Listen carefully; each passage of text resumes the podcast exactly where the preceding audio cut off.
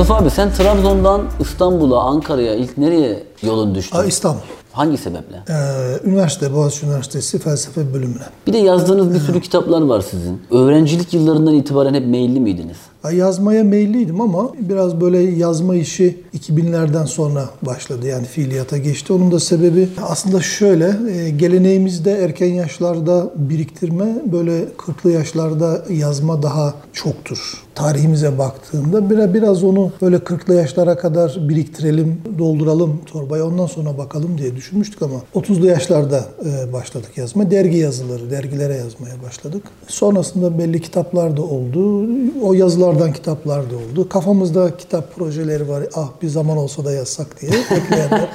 Bazı var yani? bazı yapımlara da imza attınız siz. Belgeseller var. evet. Belgeseller var. İstanbul üzerine küçük küçük böyle 15-20 tane İstanbul'un en yüksek yerleri, küçük semtleri, eski tarihi semtleri vesaire işte ibadethaneleri yani ister cami olsun ister kilise ya da havra. Onlar üzerine çalışma var. Daha sonra da İstanbul'un kardeşleri diye tarihte İstanbul'la karşılıklı ilişkide bulunmuş e, coğrafyamızda, geniş coğrafyamızda. Hmm. İlginç- evet, ilginç bir bakış açısı Evet. yani. Şehirleri çektik, karşılıklı ilişkileri tespit etmeye çalıştık. Yani bu, bu Kahire bu bir şehirlerden bir tanesi. Ayrıca Saraybosna, Üsküp, işte Yemen, Sana, şimdi açlık, kıtlık, iç savaş, çekişmeler. Tüm bunlar tarih içerisinde İstanbul'la çok büyük etkileşim içerisindelerdi. Zaten aynı devletin şehirleriydi bunlar. Dolayısıyla da o ilişki ölmesin istedik. Onu İstanbul'un şehirleri diye bir belgesele dönüştürdük. Peki Mustafa abi şimdi bakıldığı zaman Trabzon'dan yolculuğa başlamış, kitaplar Ya yazmış. asıl şunu sorma. Trabzon, Karadeniz ve felsefe ne alaka? Kardeş, kardeşim diye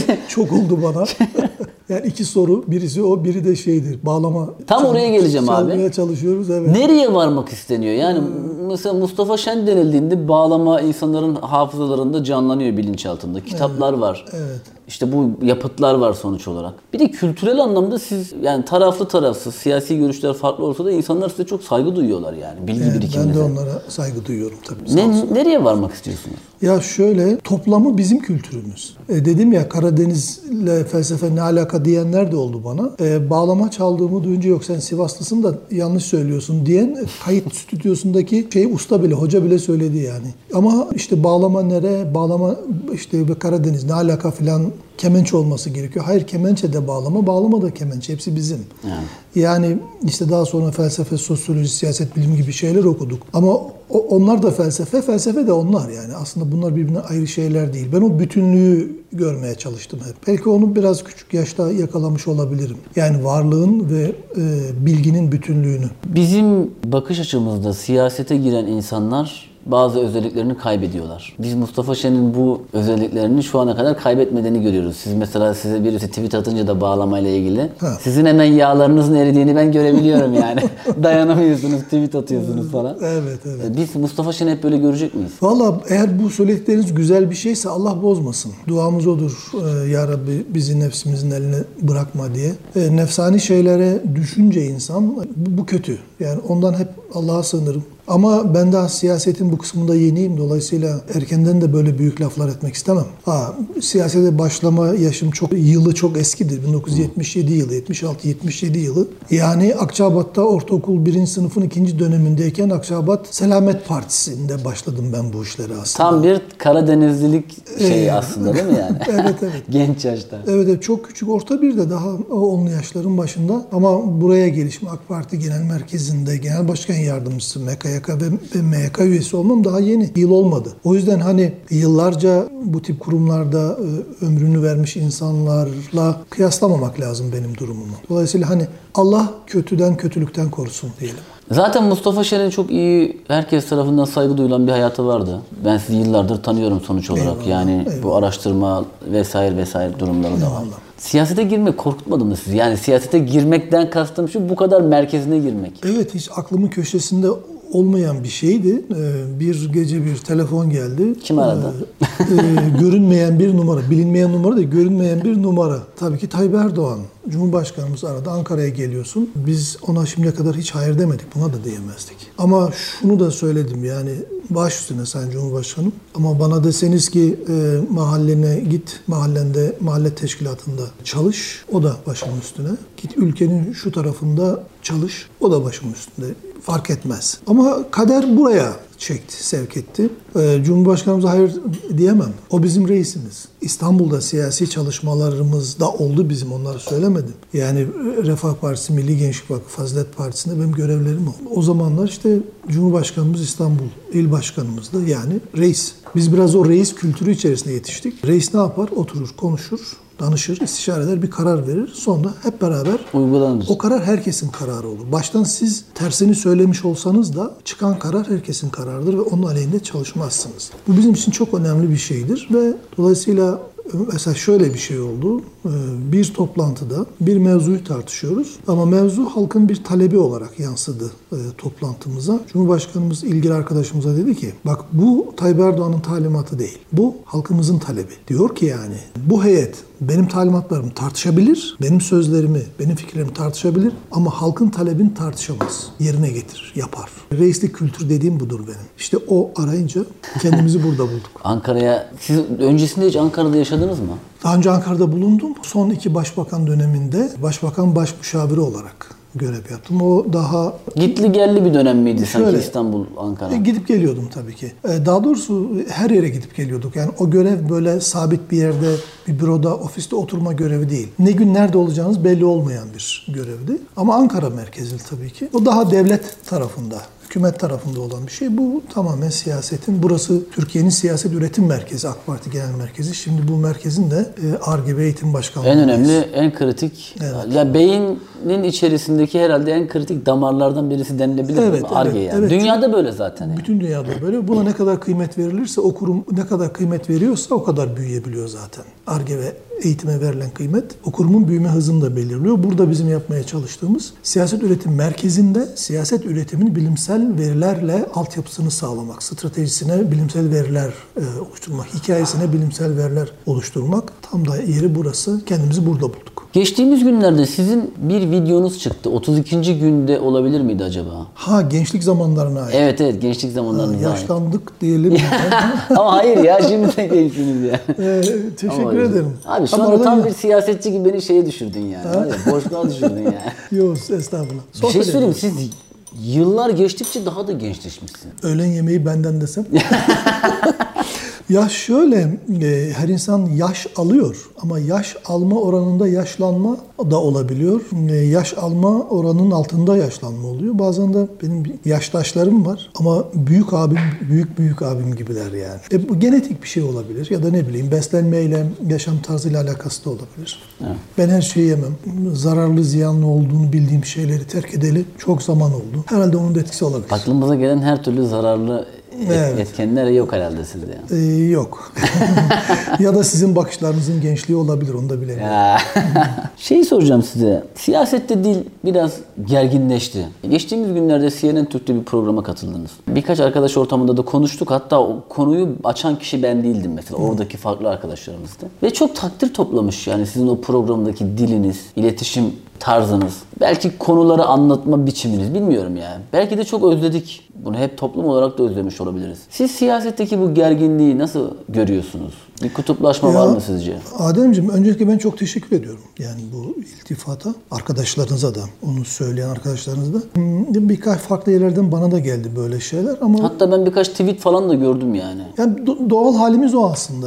Doğal halimiz o ama orada yani Hande Fırat çok tecrübeli bir programcı. Onun etkisini de unutmamak lazım. Belki bir başkasıyla bu kadar olmayabilirdi. O da çok iyi bir performans sergiledi orada. Yani ne konuşacağınız biraz da ne sorulduğuyla alakalı ya. Bunu en iyi bilenlerden biri sizsiniz. Dile gelince, dil uslup meselesine gelince siyaset bir yarışma olduğu için, bir tür bir müsabaka olduğu için doğası gereği şid- şiddet demeyeyim de gerginlik içeriyor. Şimdi bunun bir tadı var. Bir yerde sınırı var. O sınıra kadar bir tadı var. Ondan sonra zıttına inkılap ediyor. Yani zehre dönüşüyor. O tatlı, lezzetli e, şey, o sınırı geçerseniz zehre dönüşüyor. Ortalığı zehirliyor ve şiddete dönüşüyor. Bu doğru değil. Bunu, bunu doğru bulmuyorum. Ama şunu da söylememe izin verirseniz. Çok daha fazlasına müstehak olanlar var. Ama onlar müstehak diye biz dili şiddete doğru çevirmemeliyiz. Şöyle diyorum ya Allah'ından bulsun ne diyeyim yani. Apaçık yalan söylüyor. Bildiğiniz, bildiğiniz yalan söylüyor. Ve bu bildiğiniz yalan söylüyor da bilerek, bilinçli bir şekilde yapıyor ki bunun sonucunda bir şeyler doğsun. Bir kötülükler ortaya çıksın falan diye. Ve bu kötülüklerin bir ucu bana dokunuyorsa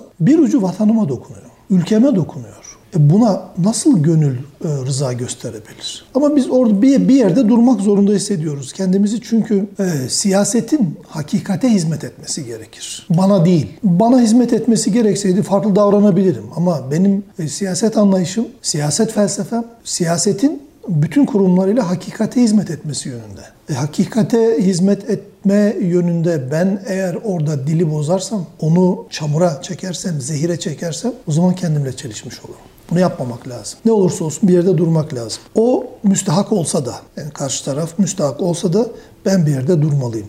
Yani bir sınırım olmalı. Sınırım olmalı demek bir hukuka riayet etmem gerekir demek. Yani siyasetin bir hukukunun olması gerekiyor. O hukuk beni bağlamalı. Hukukun yetmediği yerlerde de siyasetin bir ahlakının olması gerekir. O ahlak beni bağlamalı. Ahlak ve hukuk sınırında durmalıyım. Orada durursam ahlak ve hukuk sınırındaki siyaset işte o hakikate hizmet eder. Böyle biraz Bence çok güzel anlattınız. biraz yani. felsefesi olduğu için ama bu böyle. Ya şimdi bazı yalan haberleri görüyoruz açıkçası. Şaşırıyorum yani hani ve bu yalan çok hızlı yayılıyor. Sonra Ya Adem şöyle söyleyeyim. Zaman zaman kendime söylüyorum arkadaşlara da. Ya bile isteye gavurluk yapıyor bazıları. Ya bile isteye gavurluk yapıyor. Ya bu kötü bir şey. bir de üz- üzülüyoruz ya. Yani Sonra evet evet sonra Hannah Arendt'in vardır ya meşhur şeyi e, çalışması kötülüğün sıradanlaşması ve doğru kötülüğün sıradanlaşmasına dönüşüyor olay ve o yaptığı bir zaman sonra yani sizin diyelim ki bir yetimi alıp bakmanız, büyütmeniz, ona destek vermeniz gibi bir e, ulviyet kesbediyor onun nezdinde. O yaptığı kötülüğü çok büyük bir ulvilik olarak, yücelik olarak kodluyor kendi zihninde.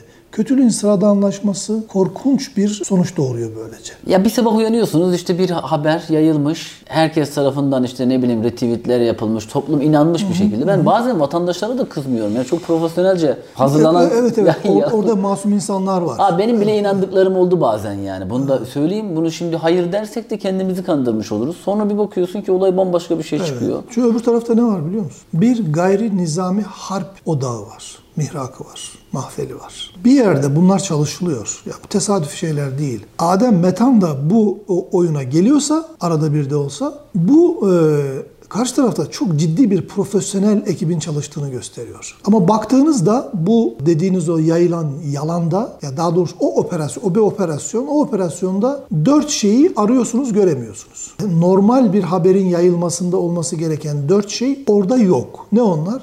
Bakıyorsun mesela hukuk ilkesi yok. Hukuk ilkesine riayet etmiyorlar. Herkes hukukun ayakları altına alıyorlar. Doğru mu? Ahlak ilkesi yok. Ki insanı insan yapan şey odur. Yok. Ama normal bir haber, yayılımında ahlak ilkesi vardır. Vicdan ilkesi yok. Var mı? Yani bu durumda yok. Yok. Şimdi hukuk yok, ahlak yok, vicdan yok. Ya geçtik bunları da. Bir de biz insanız. Adem, sevgili dostum, insanlık denilen bir şey var ya ve insanlık seviyesi denilen bir şey var. Ee, bu insanlık seviyesini bize hatırlatan e, Rachel Corrie oldu. Filistin'de şehit olduğunda ben onu hep şehit görüyorum. O kızcağızı. Ve kızımdan hiç ayırmıyorum. Annesine yazdığı bir mektupta ne diyor biliyor musun? Anne burada vaziyet insanlık seviyesinin altına düşürülmüş. Ve bu dediğim şey dördüncü madde insanlık ilkesi yok. Hukuk ilkesi, ahlak ilkesi, vicdan ilkesi ve insanlık ilkesi yok bu operasyonlarda. Bu bize neyi hatırlatıyor? Gayri nizami harp. Onu hatırlatıyor. Normal bir ki biz siyaset yapıyoruz kardeşim yani. Geç harbi. Ama bir harp yapılıyor olsa bile bir harpte ve her harpte benim tarafımda da karşı tarafta da bu dört ülke vardır. O harbin bir hukuku vardır. e, Bir vicdanı vardır. Bir ahlakı vardır. Ve insanlık seviyesinin altına düşürülmez o. Mesela esir alırsın ama esire kötü muamele yapmazsın. Bir, ahlaken yapmazsın. E kim, hiç, seni hiç kimse görmüyor. Yapabilirsin. Mağaranın içerisinde kıstırdın bir tanesi. Bir şey seni engeller. Tutar seni orada. Dersin Adem yapma. Vicdanındır o. Vicdan Allah'ın sesidir. Ve onu da e, neyle bağdaştırırsın? Çünkü sen insansın. Onu bir kediye vicdanı bir şey söylemez. İnsana söyler. İnsanlık seviyesi. Harp normal harpte bile böyle. Ama bu dört ilkeyi bize karşı yürütülen operasyonda görmüyoruz. Ahlak yok, vicdan yok, insanlık yok, hukuk yok. Korkunç bir şey. E Biraz da şey diyorsun ya siyasetin dili biraz şiddet işte böyle gerginlik falan böyle yapan adama ne yapacaksın? Biz yine bir yerde duruyoruz. Yani bu dört şey dört şeyin sınırında duruyoruz. Dört ilkenin sınırında duruyoruz ki az önce başta iki tanesini söylemiştim ahlak ve hukuk. Orada insanlık ve vicdan da var. Bu dört e, ilkenin duvarında duruyoruz. Diyoruz ki ne olursa olsun biz bu duvarın ötesine geçmeyeceğiz. Çünkü bu duvarın ötesi insanın olmaması gereken bir yer. Ama maalesef bize saldırılar o duvarın öbür tarafından yapılıyor. Yani insanın olmadığı bir yerden yapılıyor. Medyayı nasıl görüyorsun abi? Sen medyaya çok çok yakın birisin. Evet, medya belki son bir yıldır falan Evet, burada çok yoğun, azalttık. yoğun projeler Biraz var azalttık, tabii. Bir, bir de Teşkilat Akademisi'nde konuşmak isterim. elbette. O da AK Parti açısından çok devrim niteliğinde bir yenilikti bence. Hatta ben onu araştırmıştım. Dünyada var mı böyle bir şey diye. Çok da rastlayamadım açıkçası. Benim de bildiğim kadarıyla yok. Çok iyi olduğunu da söylüyorlar dostlar. Ee, çok faydalı olduğunu da söylüyorlar. Allah razı olsun. Onu- da ayrıca konuşuruz Evet, dedin. Oraya belki az sonra geçeriz. Birinci soruya bakayım ben medya. Ya medyada da aynı şeyi istiyorum. Şimdi haber medya haberdir neticede. Haber üzerinden. Özü haberciliktir yani. Haberciliğin sınırların dışına taştı mı medya olmaktan çıkar demektir o. Zaman zaman e, Türk medyasında bu sınırı aşma e, durumlarını görüyorum. Bu doğru değil bir. İkincisi merkezde kaldığında yani kendi merkezinde kaldığında yani haber ve habercilikte kaldığında da kendisine uyması gereken kurallar var. Medya etiği denilen bir şey var en başta işte. Ama az önce söylediğim dört ilke medya içinde geçerli. Bu her şey için, insan olan her yerde her şey için geçerli dört ilkeden bahsediyorum. Hukuk, ahlak, vicdan ve insanlık. Ee, medyanın bir de kendine has mesleki bir şey var. 5N, 1K'sı var. Şimdi bu ilkelere uyduğu müddetçe medya çok güzel gerçekten de yani benim yüzlerce gazeteci ve televizyoncu arkadaşım var. Şu ülkemizin televizyonlarında gazetelerindeki belli bir nam sahibi, şöhret sahibi insanların tamamına yakınlığıyla arkadaşlığım, dostluğum var. Hatta en zıt görüştekilerle bile onlarca televizyon programınız var. Yani. Evet e, ama dedim ya biz insanız çünkü biz bunu yap- yapmalıyız, yapabilmeliyiz. Temel yaklaşımımız bu. Evet orada kızarız birbirimize, e, işte atışırız ama ben çok ismini vermeyeyim. Dün akşam bana bir mesaj geldi. E, o televizyonlarda e, belki de gözünüzün önünde şimdi o canlanacaktır belki de onun siması, güzel siması. Bana bir müsait gününü, bir saatini e, WhatsApp'tan yazıyor. E, yaz da diyor bir, bir oturalım sohbet edelim. Bir zamandır görüşemedik bu iş vesilesiyle, çalışma vesilesiyle. Halbuki benim televizyonda en çok atıştığım arkadaşlardan bir tanesi. Ve fikirlerimiz hiç uymaz birbirine. Ben tahmin ediyorum. Evet. E de yani dedim ya gelir, gelmiştir gözünüzün önüne. Şimdi e, bu budur ama. Yani orada tamam tartışabiliriz. Bir de sizin çok tatlı atışmalarınız var onunla ben Ama biliyorum. olmak zorunda. Bazen insan böyle e, biz Karadenizliyiz neticede Bi- bizim şey parlama noktamız, kaynama noktamız çok düşükken anında sinirlenebiliyoruz. Niye oluyorsa bilmiyorum. Ee, bu- Bunu araştırdın mı abi hiç? e, ya şöyle Ali Ulvi kurucu Mısır yemeğe Allah rahmet eylesin. Mısır yemeğe bağlıyor bunu. Mısır'a bağlıyor. E ama bilmiyorum nasıl oluyor. E, herkesten daha erken parlıyoruz nedense. Ben de en sakinlerindenim Karadeniz'in. Yani Karadeniz'in felsefe okumuşu da bu kadar sakin olabiliyor. Yani bir şey diyemiyorum. E, öyle öyle bir durum yani. Ee, abi şimdi şöyle siyasi partilerde ki özellikle ben AK Parti'yi hep şöyle nitelendiriyorum. Dünyanın belki de en geniş STK'sı diyebiliriz. Öyle. yani öyle, üye, öyle. olarak. Üye yani. olarak. 11 milyondan fazla. Yani gençlik kolları, kadın kolları, ana kademe, alt kademe, yan kademeler, bilmem işte MKYK'sı bir sürü şey var yani. Toplamda teşkilat bünyesinde 2 milyon civarında insan var. Yani üyeler 11-12 milyona çıkıyor. İşte onu 2023 seçimlerine kadar 13 milyona çıkarmayı planladık. Teşkilat başkanlığımız ve ilgili e, genel başkan yardımcılarımız bununla ilgili çalışmaları yapıyorlar. İl teşkilatları, ilçe teşkilatları, mahalle teşkilatları, sandık teşkilatları şeklinde örgütlenmiş bir yapı 3 kademe. Bunların toplamı 2 milyon civarında. E, Biz bunun Teşkilat Akademisi'nde il başkanlıkları ve ilçe başkanlıklarının 3 kademe yöneticilerini ve onların yedek yöneticilerini eğitime aldık. Büyük bir oranda da katılım sağlandı. Biraz Covid şartları gözetildi tabii ki. Ama ona rağmen ben bu katılan arkadaşları yani katılım e, katılıma gelen arkadaşlara, eğitim veren arkadaşların sosyal medya hesaplarından takip ettiğim kadarıyla enerjisi yüksek, Çok katılımı bol bir süreç oldu diye görüyorum yani. Evet evet yani o şehrin en büyük salonlarını tutmaya çalıştık. Ve Covid şartlarını dikkate aldık. İşte testler, oturma düzenleri, maske, mesafe vesaire gibi ama bu e, bu birinci adımı. Yani teşkilatın il ve ilçe kısmı. Şimdi mahallesine geçiyoruz. Şimdi mahalle teşkilatlarımızı eğitim alacağız. Bu kış ve bahar yani yaza kadar. Ve arkasından da güzün yani önümüzdeki 2022'nin e, sonbaharında da sandık teşkilatlarını eğitimi alacağız ve seçime tamamen seçime yönelik. Ve bunun paralelinde de siyaset akademisi yürüyecek. Siyaset akademisi bu sömestri yani bu Ramazan öncesi kısmı ve Ramazan sonrası kısmı diye ikiye ayırdık onu. Ramazan öncesi kısmında gençler illerimizde. Şeyde de devamında da yaz önce Ramazan sonrası yaz arasında da kadınlar sadece kadınlar katılacak. Buna sadece gençler katılacak. Sonra onun üçüncü sömestri de güz aylarında yapılacak. Orada da isteyen e, siyaset merkezli, siyaset bilimi, siyaset felsefesi, Kendini bu alanda geliştirmek istiyor. Evet. Yani ben bu siyaseti öğreneyim, kitabi bir şekilde öğreneyim, kitabından öğreneyim, hocasından öğreneyim, e, işte siyasi partilerde görev alırım filan gibi. Şimdiki nesil size göre daha şanslı değil mi? Bizim yani sizin zamanınızda siyasetin okulu yoktu yani. Yoktu, böyle şeyler yoktu. Kara düzen.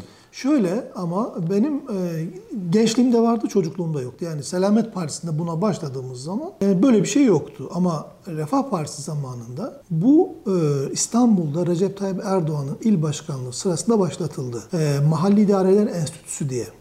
Yerel Hmm. Ben onu mahalli- bilmiyordum. Evet, belediye seçimlerine hazırlık aşamasında yani birkaç yıl öncesinde e, Cumhurbaşkanımız o zaman il başkanımız olarak e, şeyi başlattı. Yerel Yönetimler Akademisi'ni başlattı. O devam etti.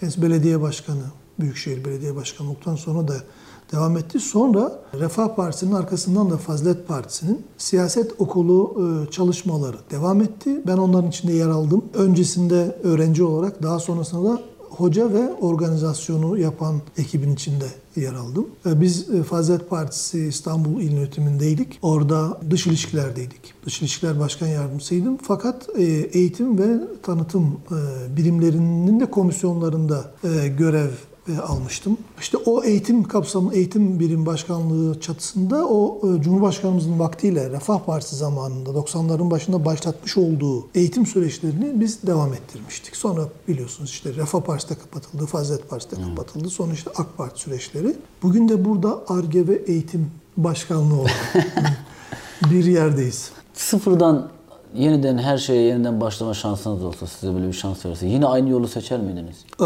Evet ama bazı başka donanımlarla. Mesela. Ee, Mesela ben Kur'an-ı Kerim'i hafızamda tam tutmayı çok isterdim. Hayatta keşke dediğim tek şey odur zaten. Kur'an hafızı olabilmeyi. Onun yanında Buhari ve Müslim hadis külliyatlarının ortak hadis şerifleri var. İnci ve mercan diye bilinir. O ortak hadislerin olduğu bir şöyle üç bendeki hali üç cilttir. Onu da onun da hafızı olmayı yani Kur'an ve hadis hafızı olmayı arzu ederdim. Ve e, ileri derecede Arapça bilmeyi az biliyorum. E, İngilizce var tabii ki Boğaziçi'li olmanın getirdiği bir şey. Ama birkaç doğu dili birkaç batı dili diye böyle doğu batı ayrımını e, yanlış buluyorum ama hani tırnak içinde söyleyeyim.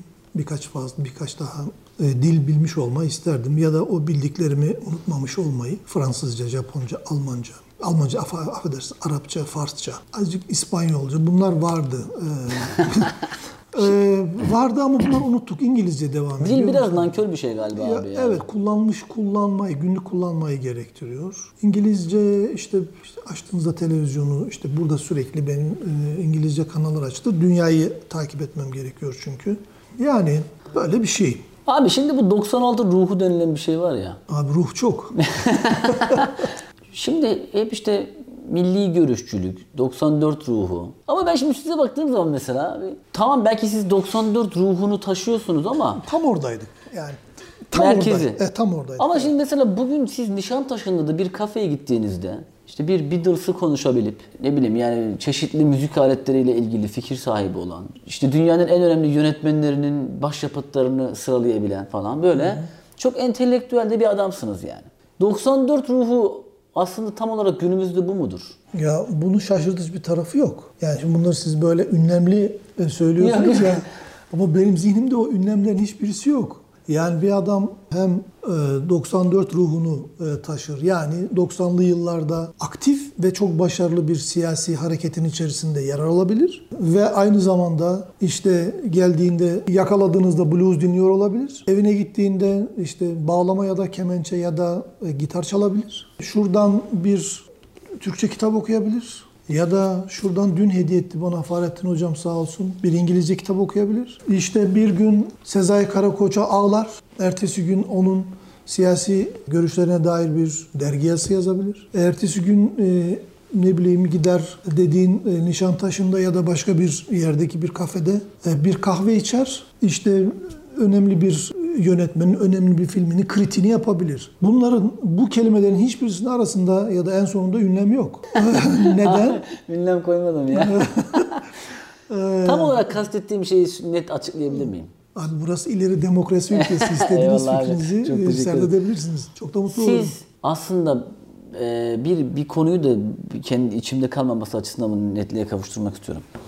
O 94 ruhu denilen şey de benim dedemden, babamdan ve hatıralarımda kalan şey, öğrendiğim şey, hafızamda canlandırdığım şey. Siz herkese e, Eşit mesafe. eşit mesafede yaklaşan, herkesin haklarına, özgürlüklerine saygı duyan ve onları destekleyen, İstanbul'un bütün semtlerine giden ki İstanbul zaten o şekilde kazanıldı. Sizin Bütün sokaklarına. bütün sokaklarına. Sadece semt değil. E, bugün de sizi dinlerken aslında o, o ruhun 2000'li yıllardaki versiyonunu görüyorum. Bunu anlatmak istemiştim. Eyvallah Ünlem ama- değil virgül vardı yani. Eyvallah. doğru değil mi? Doğru doğru anlatmıyor Abi muyum? şöyle bizim e, yani o yıllarda ama mevzu 94 değil işte. Olay 94'te başlamıyor. Olay bin sene öncesinden başlıyor. Olay daha biz bin sene öncesine kadar geri gidiyor. Daha önceki bir bin senesine kadar. Şimdi biz Türk toplumu içerisinde siyaset yapıyoruz. E, bu, bu toplum binlerce yıllık bir toplum. Türk milleti 5000 yani böyle uzaktan izlerini takip etseniz bile 5000 sene geri gidebildiğiniz bir toplumdan bahsediyoruz. Biraz daha böyle arkeolojik bulgulara doğru yanaştığınız zaman 10-11 sene geriye gidiyorsunuz. Bu toplum içerisinde zaten bir şeyi getirip bir yıla 94'e bağlamak zaten bilimsel olarak doğru değil. Ee, ama orası önemli bir kırılma noktasıdır. Kırılma noktasına atfen biz 94 ruhu diyoruz. Yoksa çok ruh var. Kapının açıldığı yıl aslında o yıl yani. Başarıya giden yol. Belki kazanmanın Şöyle, daha öncesinde de e, bu milletin çok çok büyük başarıları var. Biz sadece bir e, biraz böyle geri çekilmişliğin ya da dalganın biraz sönümlenmişliğinin arkasından yeniden bir şahlanış olarak 94'ü görebiliriz ya da görebilirsiniz. Ama biz oraya hiç takılıp kalmayız. Yani diyelim ki A mahallesiyle A mahallesinde bir çay içip öbür mahalleye gidip başka bir çay Normalde ikisinin bir araya gelmeyeceğini düşünür bazıları. Bizim için iki mahalle arasında hiç fark yoktur. Çünkü ikisi de bu güzel cennet vatanın mahalleleri. Ben vatanımın mahalleleri arasında ayrım yapamam zaten. İnsanlar arasında ayrım yapamıyorum. Ama Cemil Meriççi olarak e, beni nitelerseniz şey diyebilirim. Namuslu insanlar, namussuz insanlar. Biz bunları 15 Temmuz'da gördük. Vatan hainleri ve vatan severler diye ikiye ayrıldı. O, o kategori namuslular ve namussuzlar iki farklı kategoride yine karşımıza çıktı. Ben e, o öbür tarafı asla zaten adamdan saymadığım için orayı at çöpe zaten. E, ama beri tarafta hiçbir ayrım yapamam. Yani ben Nişantaşı'nda da kahve, ka- kahve içerim. Türk kahvesini çok severim. E, ama sizde bir filtre kahve seven havada var ama bak. e, filtre kahve. o nereden biliyorsun? Gerçekten öyle. Ama e, şeyim yani şahım, e, kahvelerin şahı Türk kahvesidir. Ona da böyle siyasi bir nükte olsun, mizah olsun diye şey diyorum. Türk kahvesini çok severim ama ulusalcı olmaması. Olmamak şartıyla. Ulusalcı olmaz. Bazen kahveyi de böyle isterim. Bir Türk kahvesi alayım sade diyorum. Ulusalcı olmasın gülüyoruz. Şimdi tabii ki ulusalcı olabilir bir insan. Onda hiçbir sorun yok. Yani bu ayrımı önce kalpten ve zihinden kaldırmak gerekiyor. Akleden kalbin bütün olması gerekiyor. Ve bütünleştirici olması gerekiyor. Benim için ülkemin mahalleler arasında hiçbir fark yok. Her mahallede gider kahvemi içerim. İstanbul'a ne sıklıkla geliyorsunuz? Çoğu hafta sonları ama her zaman da Bir gelemiyoruz. sabah tabii. yürüyüş yapalım beraber ya. Arkadaşları da ayarlayalım. Biliyor musun ne oldu? Ben orman yürüyüşleri yapıyordum. Haftada 4-5 gün, ikişer saat kadar. Epeydir o taraflara gitmemişim. Ee, bu pazar günü orada e, yani Belgrad ormanları Göktürk Kemerburgaz taraflarında e, bir imkanım oldu. Şöyle bir bir saat kadar bir yürüme imkanım oldu. Bir yürüyeyim dedim. Bil bakalım beni kimler karşıladı. Köpekler. Kuçu kuçularım. Epeydir görüşmemişiz ya Adem. Nasıl bana geldiler? Üstüm başım hep çamur oldu. o patileriyle böyle geliyor. Sarılıyorsun tabii ki. O kokluyor seni, yalıyor seni patileriyle falan böyle. O kadar özlemişler ki tabii ki ben de o kadar özlemişim ki onları. Ödüllendirdiniz mi? Çoğu sabah ve çoğu akşamları e, ya giderken ya gelirken ya da yürüyüşlerde onlara e, yemek verirdim, mama verirdim. Orada Allah razı olsun çokça insan var. Göktürk, Kemerburgaz taraflarında hayvanlara bakan. Çok bilinçli insanımız var ya. Evet evet. Yani biraz şöyle oluyor. Avrupa yakası belediyeleri maalesef topluyorlar köpekleri. E, gece yarısından sonra oralara, ormanlara boşaltıyorlar arabaları. Onlar da tabii ki insanla ünsiyet kesbetmiş kediler ve köpekler yaklaşık 10 bin yıldır. Tabii ki o genetik onları hemen insanın olduğu yere getiriyor. Aç, hasta, bakıyorsun gözüne bir şey olmuş, bakıyorsun bir yerisinde bir şey olmuş. Veterinerler, yemekler, yemler, mamalar filan ama o pazar günkü manzarayı anlatamam. Beni şimdi böyle akşam vaktiydi de o karanlıkta onlar görüyor tabii ki. Evet. Gören nasıl geliyor böyle dışarıdan bilmeyen birisi manzarayı seyreden birisi şöyle de eyvah adamı parçalayacaklar. Adama köpekler sallıyor. Halbuki onlar sevmeye geliyorlar. Evet ya onlara siz bir de el açıyorsunuz ya yani Mustafa abi hmm. yemek veriyorsunuz belki. Hatta belki böyle tam hayattan kopacakken onlara verdiğiniz yemekle onları tekrar hayata geri döndürüyorsunuz. Bu çok değerli bir şey. Ben de mesela şöyle öyle oğlumla öyle. zaman zaman Sarıyer tarafına gidiyoruz o Garipçe tarafına. Özellikle kar yağdığında hmm. ki izleyenlere de mutlaka tavsiye ederim. Ya o titriyorlar, onlara yemek veriyorsun evet, evet, ve o evet. sana öyle bir sadakat evet, besliyor evet, ki inanılmaz evet. bir şey ya. Bir de üşümez diye düşünülüyor. Belli bir derecenin altına düşmüşse ısı ve karnı açsa üşür evet. ve ölür de. Kedi de köpek de. Karnı toksa dayanabilir ama karnı açsa belli bir ısının altına dayanamıyorlar. Bakmak lazım o açıdan. İkincisi şöyle işin bir de ontolojik tarafı var. Tabi parantez olarak şunu da söyleyelim unutmamak lazım. Bazen böyle çocuklara, insanlara saldıranlar oluyor. Çok acı e, sonuçlar oluyor. O bizi çok üzüyor. Fakat bir türlü onun da önünü almamız gerekiyor. Onun da çok farkındayız ve uğraşıyoruz. İşte kanun yeniden düzenlendi biliyorsunuz. Evet. Onun şimdi uygulamasına geliyor sıra ama uygulamada da bilinç lazım. Ontolojik tarafı da şu. Şimdi ister dini bütün birisi olarak Hazreti Adem ve Havva'dan geldiğimizi düşünelim. İsterse kozmos böyle yaptı. Evrimsel olarak işte tek hücreler, çok hücreler derken maymun insan diyelim. Her halükarda bu insan denilen varlık bu kediler, kedilerden, köpeklerden, karıncalardan, kuşlardan, maymunlardan, hayvanlardan sonra oluştu geldi bu gezegende. Dolayısıyla önce hayvanlar vardı. Yani biz sonradan geldik. Dolayısıyla kimi kimin evinden kovuyoruz, kimi kimin dağından, kimi kimin sokağından kovuyoruz. Korkunç bir şey daha var. İnsanların da yaşamakta zorlandığı adına şehir denilen şeyler yaptık. Ve orada hayvanlar yaşamaya çalışıyorlar. Bütün av sahalarını yok ettik. Avlanamıyorlar. Kendilerini besleyemiyorlar. İki, bütün sularını boru içine aldık. Su içemiyorlar. Gelip çeşmenin başında bekliyor. Şimdi görüyorsunuz şehirlerde. Evet. Musluk kapalı. Orada bekliyor. Gelse bir insan da şu musluğu açsa da şuradan bir yudum su içsem diye. O suyu Allah senin için yaratmadı ki sadece. Ya da tırnak içinde kozmoz, evrim e, o suyu sadece sana vermedi. Hayvanın hakkı var orada. Ve biz bu hakkı unutuyoruz. Bu beni çok üzüyor. Ben sizden şöyle bir hamle bekliyorum açıkçası son dönemde. Özellikle çok umutluyum bu konuda. Çünkü Sayın Cumhurbaşkanı da çok eğildi bu konuya.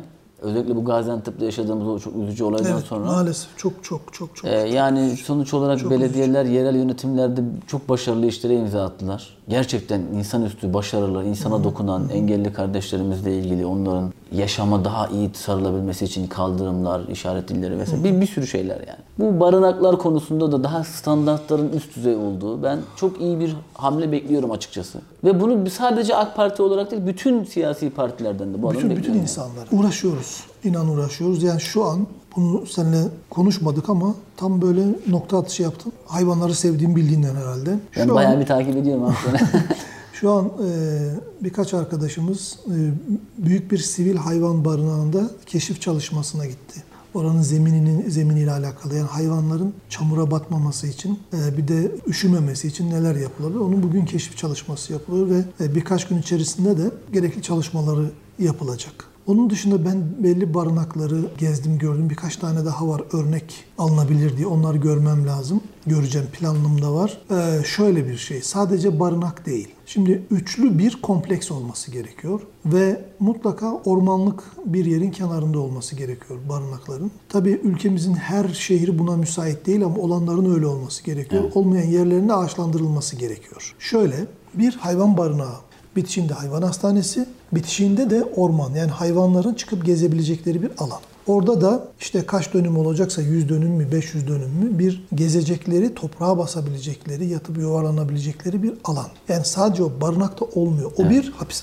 Sadece barınak hapishanedir. Hatta sadece barınak zindandır. Hatta sadece barınak ölümhane diyeyim ne denilecekse ona ölümhanedir. Sadece barınak olmaz. Yaşam alanı bir yaşam alanı gerek. olması lazım. Bir, bir tür o kendi doğal ekosistemlerine uygun bir yer. O ormandır işte ya da ağaçlık bir yerdir ya da değilse de dikersiniz ağaçlarını. O da olmasa da açık arazidir. Sınırlar çevrilmiş bir arazi. Orada gezip dolaşabilecekleri bir yer. Orada da dikkat edilmesi gereken bir şey var. Köpeklerin küçük ırkları var. Orta boy bir ırk var. Bir de büyükleri var. Buna oranın da üçe bölünmesi gerekiyor. Yani gezme alanının üçe bölünmesi gerekiyor. Hepsi ayrı kendi grubunda. Bir de vahşileştirilmiş. Bak vahşi köpek yok. Altını çiziyorum. Vahşi köpek yok. Vahşileştirilmiş bazı ırklar var. Vahşileştirildiler. O, o ya o canlıların hiçbir suçu yok. Onlar insanlar o hale getirdi. O vahşileştirilmiş ırklardan bazı şey videolar vardır. Bebek bakıcılığı yapıyor. Vahşi ise bunu nasıl yapıyor? Bak o o sahibi, o insan, insan sahibi onu böyle eğitmiş, öyle yapıyor. Bebek bakıyor ya bildiğiniz bebeğin başında bakıcı gibi duruyor. Ee, ama öbürüsü de onu vahşi yetiştirmiş, vahşileştirmiş. Ee, fırsatını bulduğunda da o da o vahşeti sergiliyor ve onun çok acı sonuçları oluyor, çok üzülüyoruz. Şimdi bu e, vahşiler için de, vahşileştirilmişler için de ayrı bir alan gerekiyor. Barınaklarda ayrı bir alan, e, bahçede de ayrı bir alan olması gerekiyor. Ve orada belediyelerin veterinerliklerinde çalışanların gerçekten hayvan sever olması gerekiyor. Bir işim yoktu geldim buraya bu işi yapıyorum işte olmaz. Onu seveceksiniz. Çok doğru ya.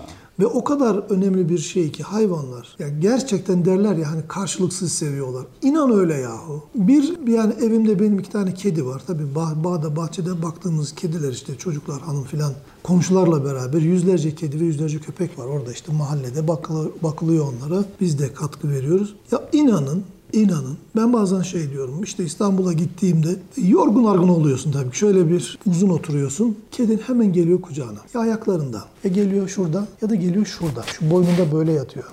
O sırada kendi çocuğun, kendi kanından canından olan çocuğun öbür odada Bilgisayar oynuyor. bilgisayar.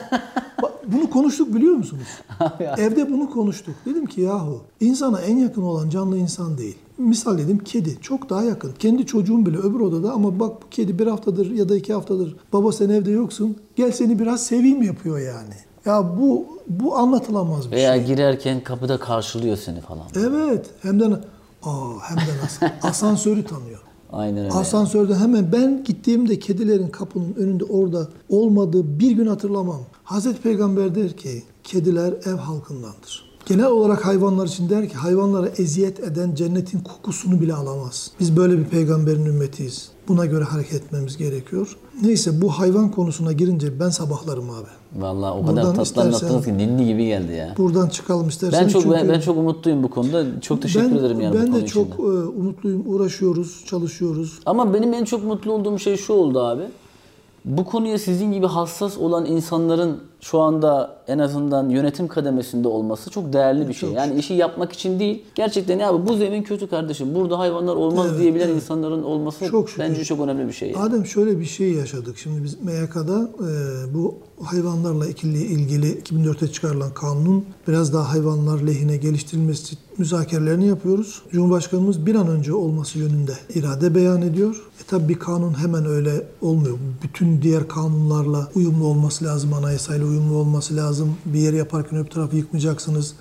E, diyelim ki hayvanlara ilgili, hayvanlara kötü muamele ilgili bir ceza olması gerekiyor ama onu o kadar ince ayar yapmalısınız ki. O biraz zaman alıyor fakat Cumhurbaşkanımız zerre kadar şey yapmadı. Ölüm verme tabiri hemen hemen olması gerekiyor dedi ve bir örnek verdi. Bir aileden birisinin bir kedisi ölmüş. E, genç bir zannedersem geniş aileden birinin. E, kuzenlerden diyelim e, birinin. Genç bir e, kızın kedisi ölmüş dedi ki 3 gün kimseyle konuşmadı. Cep telefonunu kapat. Düşünsene bir genç cep telefonunu kapatıyor. Üç gün kimseyle konuşmadı, konuşamadı üzüntüyle. Siz anlamıyorsunuz arkadaşlar dedi bu hayvan meselesini galiba. Ben dedim ki efendim ben anlıyorum. Aynı evlat gibi.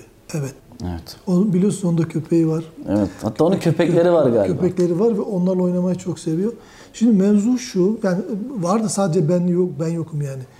Diğer arkadaşlarımız da öyle. Sadece Cumhurbaşkanımız da değil. Genel Başkan Yardımcılarımız da öyle. Ya şeyin var işte Süleyman Bey de iki tane büyük köpeklerini falan paylaşmıştı o. Evet evet. Şimdi e, bunu bunu bir e, toplumsal bilinç seviyesine çıkarmamız gerekiyor. Yani kanun yetmiyor. Ahlak da gerekiyor, davranış güzelliği de gerekiyor, bilinç gerekiyor ama o bilincin kişisel ya da e, grupsal, zümrevi olması yetmiyor. Bir yerde olup öbürü o yerde olmaması yetmiyor. Toplumsal düzeyde bir bilinç olması gerekiyor. Bir de bu bizim O ortak can. paydam, ortak paydamız yani. Evet, Her evet. görüşten insanın ortak paydası. Evet, o bir can ve duyguları var. Abi sana gene e, ilginç bir şey söyleyeceğim. Hayvanların duygu, duygularına dair. Bizim evde kediler var dedim ya. Bizim evde müzik de var. Çeşitli müzik aletleri işte bağlama, gitar, ney, piyano vesaire falan. Böyle duygusal bir müzik olduğunda diyelim ki ben duygusal bir şey çalıyorum ya da söylüyorum işte hanım, çocuklar falan filan inanamazsınız. Kediler geliyor o kişinin kucağına böyle yüzüne başlıyor onu böyle şu onlar şuralarıyla yalıyorlar. Alınlarıyla böyle yani yapma ne olur patileriyle böyle böyle yapıyorlar. Ha ne oldu? Niye ağlıyorsun gibi hani niye duygulandığın gibi. Bir şey oldu da benim haberim Evet, yok. evet kimsenin ağladığı yok ama o onu öyle hissediyor. Yani niye üzüldün? Niye ne bu hüzün? O alınlarıyla geliyorlar bizi öpüyorlar. O patileriyle böyle böyle yüzümüze ne oluyoruz?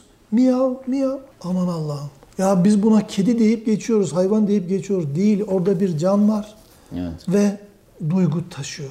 Duygusu var. Valla bu konudaki sizlerden gelecek güzel haberleri heyecanla ve sabırsızlıkla bekliyoruz. İnşallah, yani. Biz de elimizden ne inşallah. gelirse, bizim İnşallah. elimizden bir şey gelmez ama gelirse yaparız yani.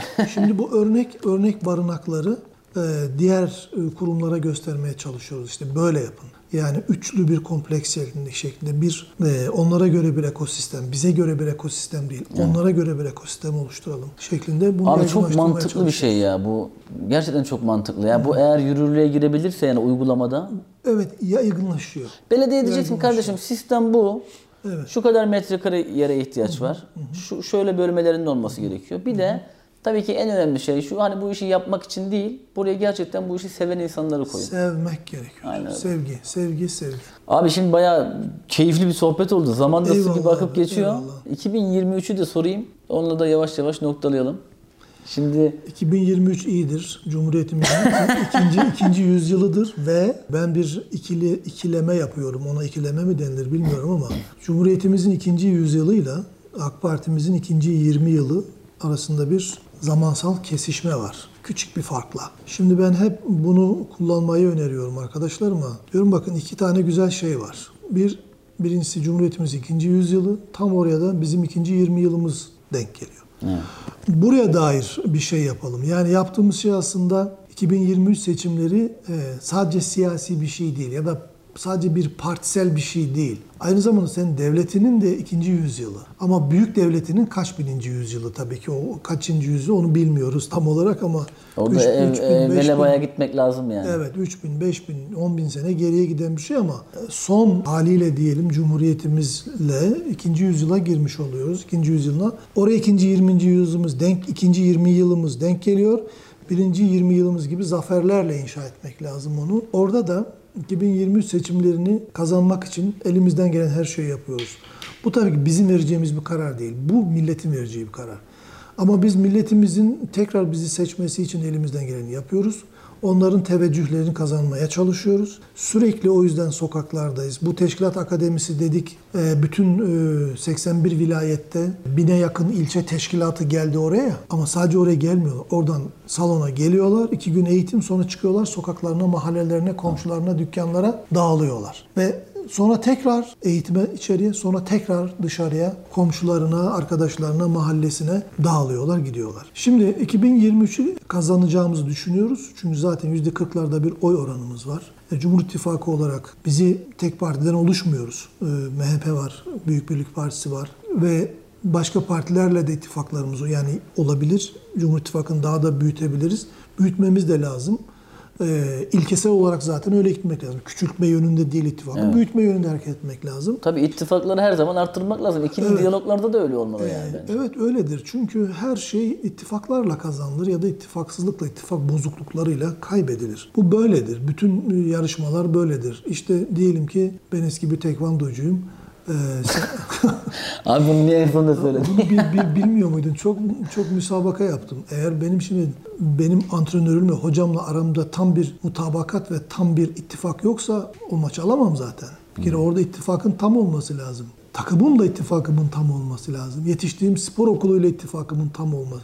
Onların beni seviyor, destekliyor olması lazım ki şey olsun. Hani bir, bir, bir başarılı sonuç olsun. Siyaset de aynı şekilde. İkisi de yarışma ya. İkisi de müsabaka, ikisi de yarışma. Aynı şey. O ittifaklarla e, ne oluyorsa oluyor. Onu büyütmeye çalışıyoruz ve bu büyütmeye de e, halkımızın, e, büyük Türk milletinin teveccüh göstereceğini e, düşünüyoruz. Orada şöyle bir şey var. Yine bir yalan dezenformasyon. Gençler artık AK Parti'ye oy vermiyor. Gerçekten yalan. Çünkü AK Parti'ye oy veren gençlerin oranı bizi takip eden partinin toplam oy oranının üzerinde. Yani bunu neyle açıklayacaksınız AK Parti'ye oy vermiyorsa gençler? AK Parti'ye oy veriyor. E, e, böyle deyince yok o Z kuşağı var ya o vermiyor. Z kuşağı değil bir kuşak yok ki. E, biz eğer bizim gençliğimize yani bu milletin gencine bir isim takacaksak onun ismi var zaten Türk gençliği. Bitti. Ee, Türk milletinin gencine Türk gençliği denilir. Bu kadar. Ve bundan daha güzel bir isim de yoktur. Daha böyle özele indirgenmiş bir isim de aranıyorsa o ismi de Cumhurbaşkanımız verir zaten. Teknofest. Teknofest. Kuşağı. Tekno, Teknofest kuşağı, Teknofest gençliği. Teknofest'te 30 yanlış hatırlamıyorsun 36 bin küsür takım vardı. Kişi değil. Genç kişi. Takım. Düşünsenize siz bu gençliğe başka bir isim vermenize gerek var mı?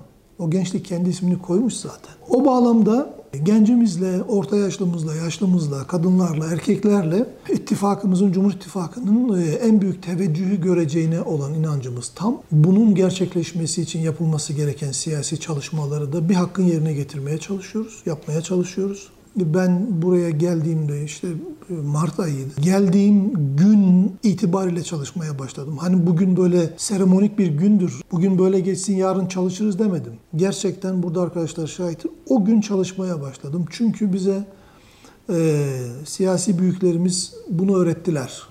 Sizin- Seçime, şu e, gelecek seçime bitmiş olan seçimin ertesi gün çalışmaya başlanılır. Sizi yakından tanıyan insanlar hep sizinle ilgili mesela ortak tespitlerinden bir tanesi işinde çok disiplinlidir, prensiplidir, disiplinlidir, düzenli çalışmayı sever falan. Bu çok zor bir şey değil mi aslında? Değil.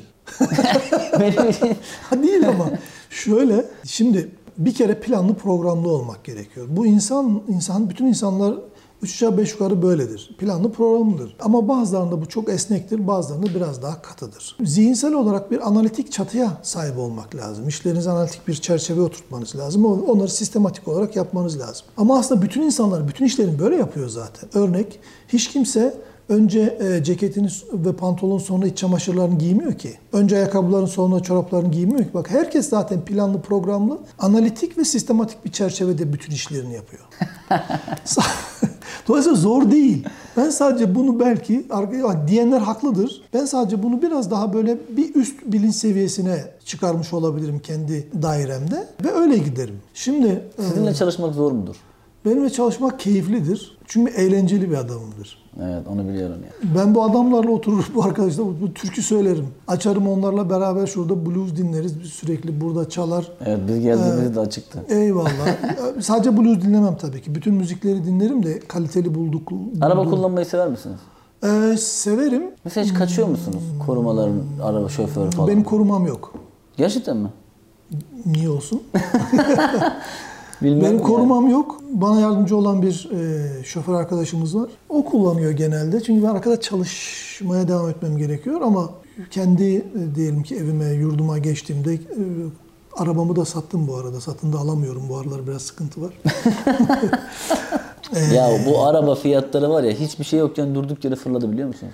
Maalesef, maalesef. Onlar da düzelecek. İşte şimdi hanımın böyle eski püskü bir e, şey arabası var. Yenge kiralıyordur siz araba. Onu işte bir yere beraber gittiğimizde bazen o kullanıyor, bazen ben kullanıyorum ama şöyle e, araba yolculuğunu severim. Bazen İstanbul'a ya da başka bir yere arabayla git- gitmeyi tercih ediyorum. Mesela geçen hafta sonu Arge ve Eğitim Başkanlığımızın 2022 yılı planlarının birinci gözden geçirme kampını yaptık Mersin'de. Arabayla gittik. Halbuki buradan Adana'ya inip oradan zaten havaalanının Çok yakınında yakın, bir evet. yerde. Arabayla gitmeyi tercih ettik. Bazen İstanbul'a arabayla gitmeyi ya da İstanbul'dan buraya araba gel gelmeyi tercih ediyorum. Bunu bilinçli yapıyorum. O yolu, o mevsimin güzelliklerini tekrar görmek istiyorum. Yani o bir defa oluyor. Bir de belki gizli Onu- müşteri uygulaması da yapıyorsunuz yani. E, onu çaktırma. Onu niye çaktırıyorsun? Abi, mesela barınak dedin ya, o gizli müşteri, gölge müşteri uygulamasını mesela e, bir barınakta yapacağım mesela. E, e, giderken e, abi bunu ne olursun çekelim ya. Vallahi. Ama o- Belki bendeki telefonla çekilebilir. Kimsenin haberini olmaz. Yani gideceğim barınaktan arayacağım ilgili belediye başkanlığı ve e, oraların sorumlularını. Barınaktan. E, o- onun için bir karayolu yolculuğu yapmam gerekiyor İstanbul tarafına doğru. Ama sizin belli lokal İstanbul İstanbul'daki belediyeler dikkat. Ama, ama, ama ben İstanbul'a İzmir üzerinden de gidebilirim. Samsun üzerinden de gidebilirim. Kastamonu üzerinden. Benim için belli olmaz. Ben Karadenizliyim ya. Yapacağım şeyin kestirilmesi biraz zor. ters ters ters şeyler yapabilirim. Ee, biz 2021 yılında Mustafa abi 70 bin kilometrenin üzerinde yol yaptık. Birçoğunu Ankara'ya Allah geldik. Farklı yerlere gittik. Çok teşekkür ederim. Bu yolculuk esnasında kazalar da yaptık. Lastiklerimiz falan da patladı. Ama gerçekten Türkiye karayolu noktasında ciddi anlamda çağ atlamış yani. O inanılmaz bir şey. Yani ben çok net bir şey söyleyeyim mesela. Bazı şeyleri belki anlatmakta da çünkü siz sürekli kurdele kesiyorsunuz yani bu anlatması da bunların zor diye düşünüyorum. Mesela bu Kuzey Marmara otoyoluna resmen uçak inebilir ya. Bir afet durumunda. E, bir uçak geçti ya oradaki Evet o tünellerden. tünellerden geçti. Ama daha böyle farklı bir Allah göstermesin kötü bir durumda da uçak inecek alanlar var yani orada. E, ama otobanlar öyle yapılır. Eskiden beri Çok- belli bir yer böyle bir genişlik vardır. Mesela es- eski, eski yoldan İstanbul'dan İzmir'e doğru gidin. Balıkesir taraflarında böyle birkaç tane geniş yer vardır. Onlar onlar düşünülerek yapılıyor Düşünül- ama düşünülüyor mu onlar ben Evet, bilmiyorum. ama senin dediğin şöyle. Şu an e, o otobanın herhangi bir yerine büyük uçaklar hariç tabii ki. Ufak uçakların hepsi inebilir zaten. İnebilir doğru. Zaten bir uçak tünellerinden geçti o gösterimde. Evet. O da çok enteresan bir şeydi ya. Bu yolların ben e, 40 yıl öncesinde biliyorum da yaşım gereği. 40-50 yıl öncesini diyelim. Bugünkü e, şey olağanüstü tabii ki. Bütün bu aslında ikinci 20 yılda çok bağlantılı bir şey. Benim birçok arkadaşım yani farklı siyasi görüşlerdeki birçok arkadaşım da çok kullanıyorlar. Ortak bir şeyimiz var. Belki biraz fiyat biraz daha e, aşağı çekilebilir. Ee, o, o yoldaki- zaten ilgililer düşünüyordur evet, herhalde Evet. yani. Onlar şöyle.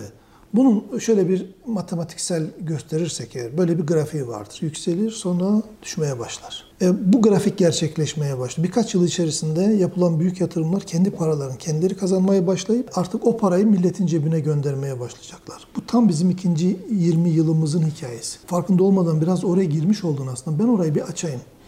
Bu saydığın şeyler sadece o kurdeleler meselesi var ya yani yapılan alt, altyapı yatırımları hastanelerinden havaalanlarına efendim karayollarından fabrikalara varıncaya kadar yüksek teknoloji ürünü İHA'sından SİHA'sına efendim füzesinden doğalgaz Karadeniz e, ve Akdeniz doğalgazına varıncaya kadar bütün bunlar birinci 20 yılın altlık çalışmaları. Altyapı değil sadece altlık çalışmaları. Şimdi bunun üzerine bir Zemin şey, yani aslında. Evet, bunun üzerine bir şey inşa etmek lazım.